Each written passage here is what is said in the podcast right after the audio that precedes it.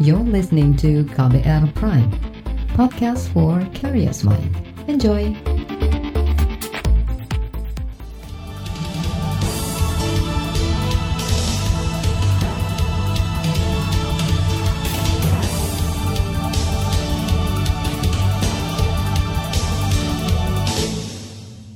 Selamat pagi saudara, KBR menjumpai Anda melalui program Buletin Pagi edisi Selasa 26 Mei 2020 bersama saya, Reski Mesanto.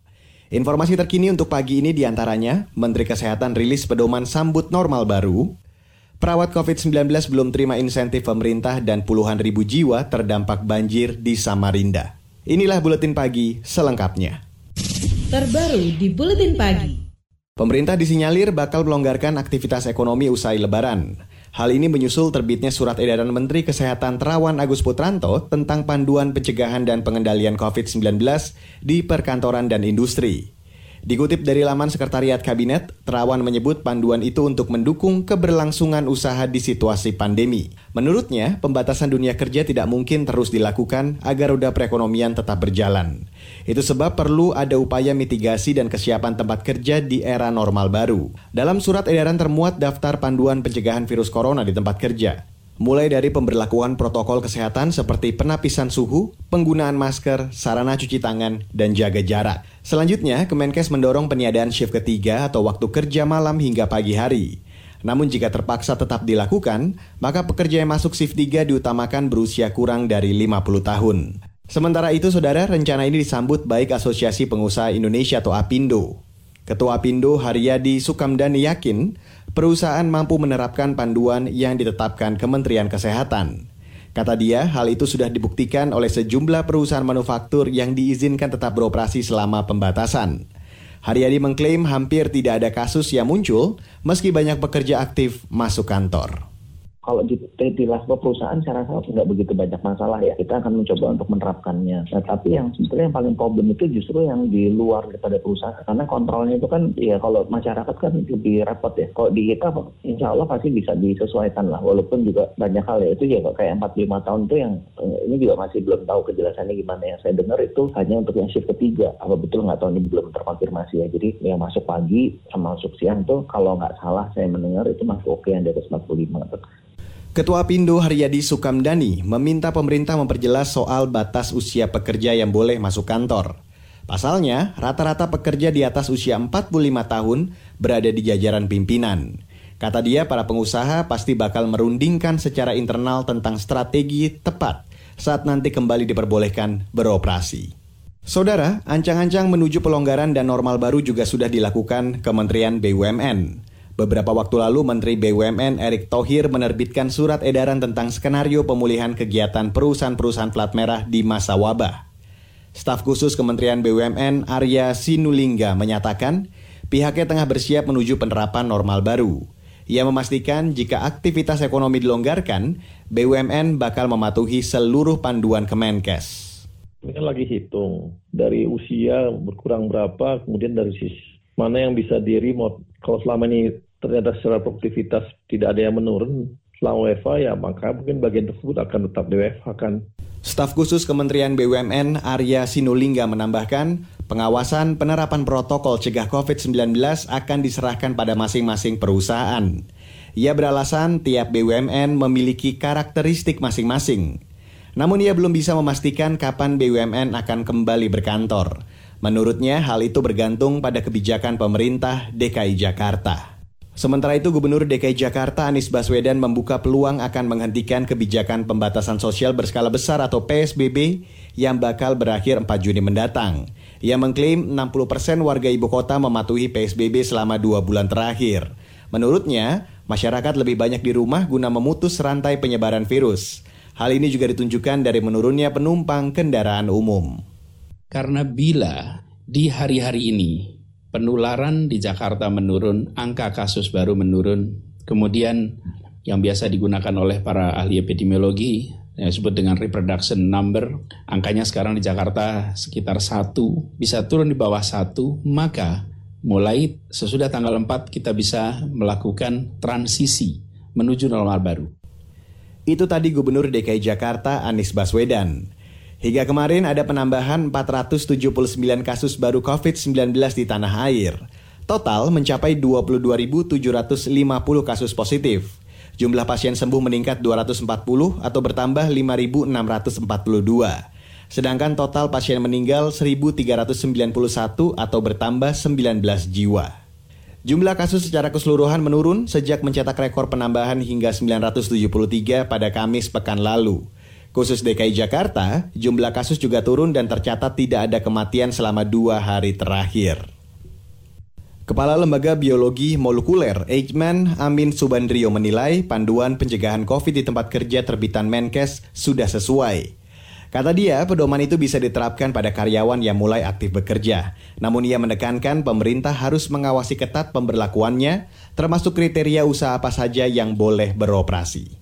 Jika memberi kesempatan kepada mereka yang memungkinkan untuk bekerja, kembali bekerja, itu diizinkan dengan persyaratan. Tetap persyaratan perorangan, persyaratan transportasi, dan persyaratan tempat bekerja. Jadi tidak terlepas semuanya dalam konteks PSBB tetap. Jadi kalau tempat kerjanya tidak bisa menghindari dari kerumunan banyak orang, tetap bisnis itu tidak boleh jalan. Orang boleh produktif tapi harus tetap aman. Kepala Lembaga Ikmen Amin Subandrio menekankan kepada para pekerja agar disiplin mematuhi protokol kesehatan, mulai dari pemakaian masker, jaga jarak, cuci tangan, hingga menghindari kerumunan. Meski merespon positif surat edaran Kemenkes, Amin tetap khawatir potensi penambahan kasus saat perkantoran dan industri kembali dibuka. Untuk itu ia mendorong pemerintah memperbanyak tes COVID-19 agar orang-orang yang terjangkit bisa secepatnya ditangani. Saudara, informasi soal tes deteksi COVID-19 sebelum berpergian akan hadir usai jeda. Jadi tetaplah bersama kami di Buletin Pagi KBR. You're listening to KBR Pride, podcast for curious mind. Enjoy!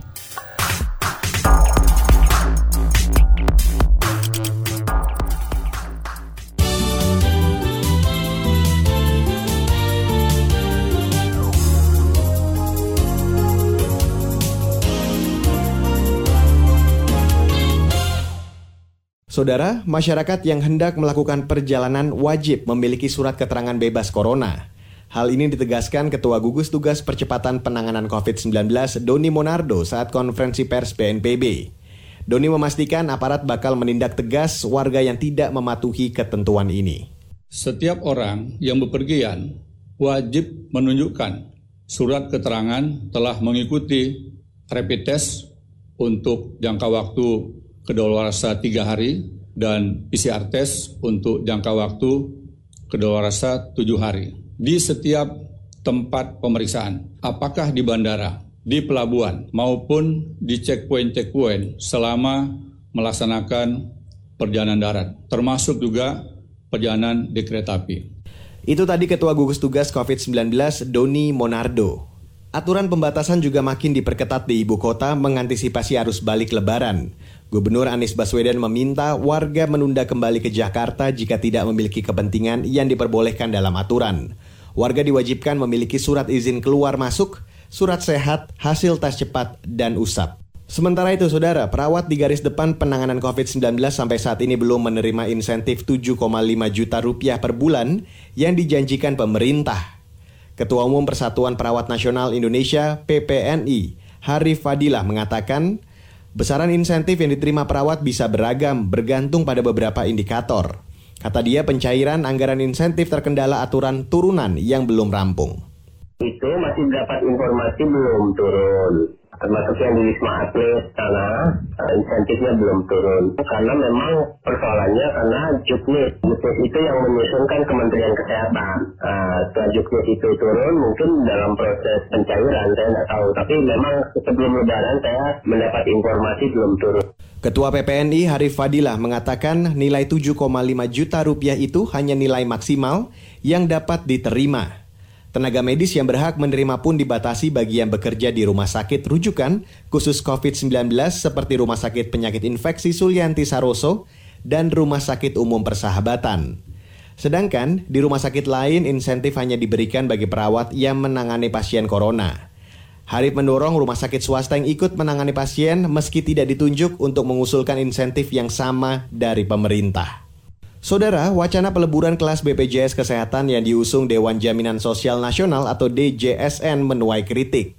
Ketua Advokasi BPJS Watch, Timbul Siregar khawatir rencana itu akan berdampak pada berkurangnya jumlah ruang perawatan di rumah sakit. Saat ini menurutnya, total jumlah ruang perawatan kelas 1, 2, dan 3 mencapai 310 ribu. Kelas 1, kelas 2, kelas 3 dilebur dari 310 ribuan tempat tidur itu pasti ada yang dinyatakan dinyatakan sebagai kelas standar, kemungkinan akan berkurang tempat tidurnya. Nah, dengan jumlah peserta yang semakin meningkat sekarang ini sekitar 223 jumlah 223 juta peserta JKM dengan meningkatnya peserta kan demand-nya akan meningkat juga. Sementara kalau supply-nya itu terus menurun bagaimana orang nanti akan akan mengalami kesulitan untuk mendapatkan kelas perawatan itu Ketua Advokasi BPJS Watch Timbul Siregar menambahkan, dengan adanya peleburan kelas atau kelas standar, pemerintah harus sanggup menjamin kualitas layanan. Di sisi lain, Timbul memandang rencana peleburan itu salah satu terobosan mengendalikan biaya. Selama ini, hal itu sulit dikelola lantaran ada pembedaan kelas, apalagi bercermin dari fakta kondisi kas BPJS Kesehatan yang terus membengkak. Dan sekarang kita beralih ke mancanegara. Presiden Brazil Jair Bolsonaro kembali berpawai di jalanan bersama pendukungnya pada hari Minggu waktu setempat.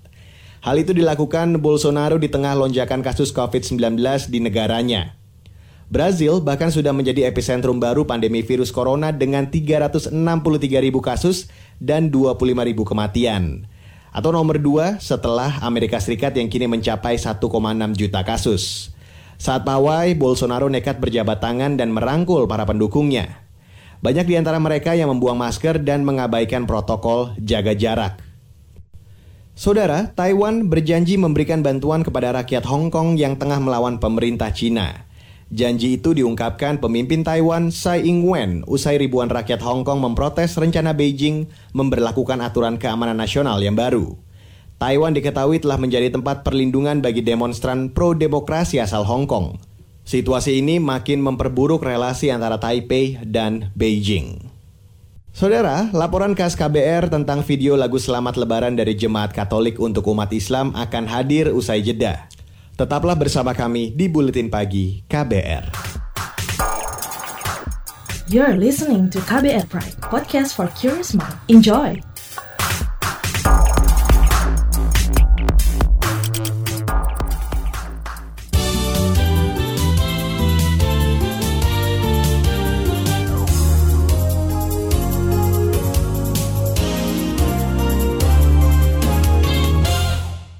Anda masih mendengarkan Buletin Pagi KBR bersama saya, Reski Mesanto. Dan sekarang, sudah waktunya saya untuk mengajak Anda mendengarkan laporan khas KBR.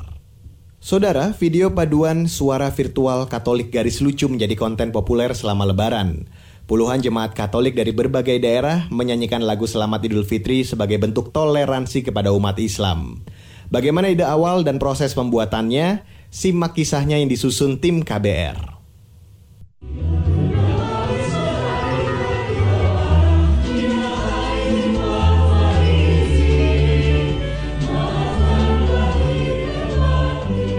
Ini adalah cuplikan video nyanyian Selamat Lebaran. Sekilas tidak ada yang aneh mengingat video itu dirilis saat Idul Fitri. Namun konten itu sontak menjadi populer di media sosial lantaran dibuat oleh paduan suara virtual Katolik garis lucu.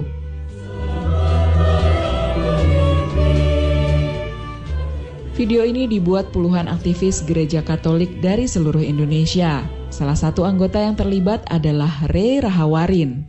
Partisipan dalam paduan suara kemarin itu sejumlah 95 orang. Saya sendiri berada di suara bass. Ray menuturkan, video itu diperuntukkan bagi saudara-saudara muslim yang merayakan lebaran sebagai persembahan spesial sekaligus ingin menyapa para sahabat umat muslim yang bertepatan dengan momen menyongsong Hari Raya Idul Fitri 1441 Hijriah. Di video itu mereka tanpa canggung memakai pakaian khas muslim, mulai dari baju koko, sarung, hingga peci bagi anggota paduan suara laki-laki. Untuk yang perempuan mengenakan kerudung. Hal itu merupakan bentuk penghormatan dan toleransi. Pakai baju muslim ya, kami menyesuaikan dengan hari raya atau hari besar umat muslim. Juga menghargai yang di mana kan Indonesia ya kita tahu majemuk, toleransi itu sangat diagungkan. Dan kami menghargai itu, kami di grup itu sepakat untuk bagaimana kita walaupun bukan latar belakang muslim, tapi kami mengupayakan menghargai lewat pakaian atau busana yang kami pakai. Menurut Ray, seluruh anggota paduan suara antusias menyambut ide pembuatan video musik ucapan lebaran. Terlebih mereka juga sudah lama tidak berkumpul sejak pembatasan sosial awalnya dilatar belakangi oleh wabah atau virus COVID ini yang kemudian membuat segala aktivitas itu menjadi terbatas. Uh, apalagi ada hashtag atau ada himbauan untuk semuanya dilakukan di rumah atau work from home itu uh, dan konteks kami di sini adalah anak-anak muda gereja atau aktivis gereja yang membuat kami rindu untuk melakukan pelayanan di gereja dan terbatas ruang gerak. Makanya oleh admin Katolik Garis Lurus Katomin Karto Maju membuat suatu gerakan e, melakukan virtual choir lewat online ini sendiri.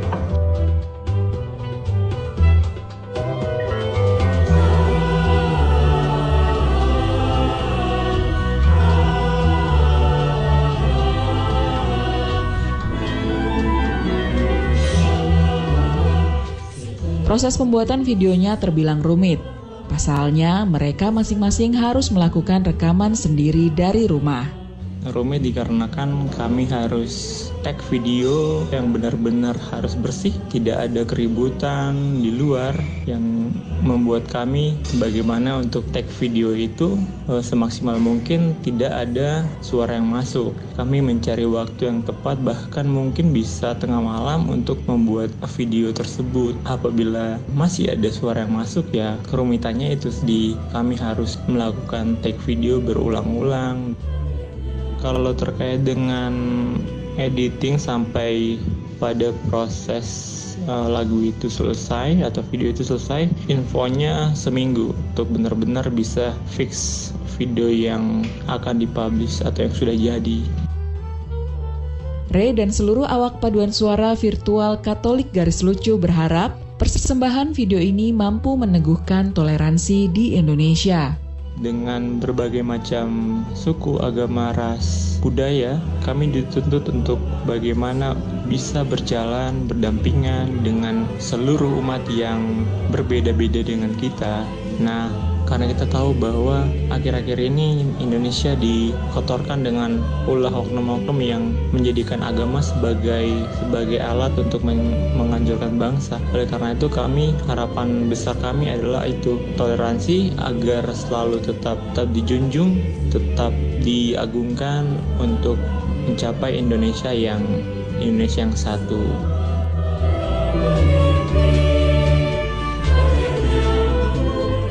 Demikian laporan tim KBR, saya Astri Yuwanasari.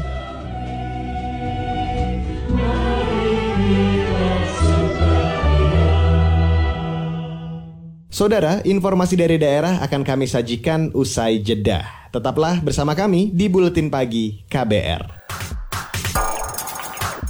You're listening to KBR Pride, podcast for curious mind. Enjoy!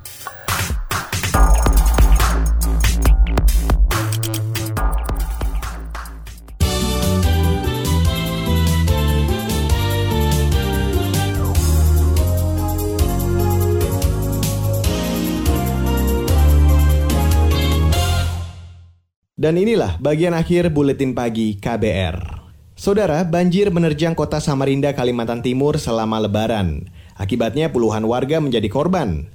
Pelaksana tugas BPBD Kota Samarinda, Hendra Aha menuturkan, sebagian besar warga mengungsi ke rumah kerabat. Jadi jumlah jiwa yang terdampak itu sekitar 30.894 orang. Jumlah kakak yang terdampak 10.394 eh, kepala keluarga. Jadi mereka yang mengungsi ke tempat keluarga itu ya tetap kita himbau, tetap memakai masker, tetap sosial apa physical distancing. Tetap kita himbau pakai masker mas, tetap tetap ada protokol karena kita masih covid kan, tetap kita himbau. PLT Kepala BPBD Kota Samarinda, Hendra Aha menambahkan, banjir bandang sejak Sabtu pekan lalu diakibatkan hujan lebat selama beberapa hari. Dikutip dari Antara, sebagian warga pada lebaran pertama kemarin masih menjalankan salat id berjamaah di masjid, padahal ada masjid yang tergenang air sampai selutut orang dewasa. Saudara, kasus COVID-19 di kota Jayapura, Papua diprediksi bakal terus meningkat. Kepala Dinas Kesehatan Kota Jayapura, Nyoman Sri Antarai mengatakan, prediksi itu didasarkan pada temuan kasus baru yang signifikan selama sepekan terakhir. Kasus baru itu di antaranya 30 tahanan Polres Jayapura Kota, dan sebanyak 12 tenaga kesehatan di Rumah Sakit Umum AB Pura. Begitu banyak kontak tracingnya, akhirnya kami berkata bahwa kemungkinan ke depan akan melonjak. Ada kasus kami dari Bank Mandiri yang terjadi Bank Mandiri wilayah. Jadi kami harus tracing kalau semua itu 250 orang juga harus kami periksa. Kemudian FIF, jadi ini hampir semua ini uh, kena Kadis Kesehatan Kota Jayapura, Nyoman Sri Antarai menambahkan, tim penanganan COVID-19 terus menggencarkan penelusuran kontak dan tes cepat bagi warga yang potensial terjangkit. Hingga kini kasus positif corona di Papua mencapai lebih dari 600-an kasus. Kota Jayapura menjadi wilayah dengan jumlah tertinggi, yakni 260-an kasus, 30-an pasien sembuh dan 6 orang meninggal. Saudara, lebih dari 800 narapidana dari lima lembaga pemasyarakatan atau lapas di Nusa Kambangan Cilacap, Jawa Tengah mendapat remisi lebaran. Ratusan napi tersebut bukan kategori beresiko tinggi. Koordinator Kepala Lapas Senusa Kambangan dan Cilacap, RWD Supriyatno mengatakan, ada dua jenis remisi yang diberikan, yakni pemotongan masa hukuman dan remisi langsung bebas. Kalau ada yang keputusan remisinya bebas, ya kita bebaskan gitu. Karena kan ada yang memperoleh uh, remisi setelah itu ternyata setelah dipotong remisi bebas. Tapi ada juga uh, bebas tapi masih harus menjalani pidana kurungan atau denda sehingga belum dibebaskan pada hari itu tapi masih jalani lagi kurungannya. Ada ini pembebasan dalam rangka remisi. Dalam remisi ya pasti kalau sudah ada SK-nya turun dan ada yang bebas ya kita bebaskan. Koordinator Kepala Lapas Senusa Kambangan dan Cilacap RWD Supriyatno memastikan Remisi khusus lebaran bagi ratusan napi itu akan segera dieksekusi. Prosesnya dilaksanakan di masing-masing lapas. Sementara itu pada hari pertama lebaran kemarin, lima lapas Nusa Kambangan berpengaman maksimum menggelar salat id berjamaah dengan menerapkan protokol kesehatan. Dan saudara, informasi tadi menutup jumpa kita di Buletin Pagi KBR hari ini. Pantau juga informasi terbaru melalui kabar baru, melalui website kbr.id, Twitter kami at Berita KBR, serta podcast melalui kbrprime.id. Dan akhirnya saya, Reski Mesanto undur diri. Salam.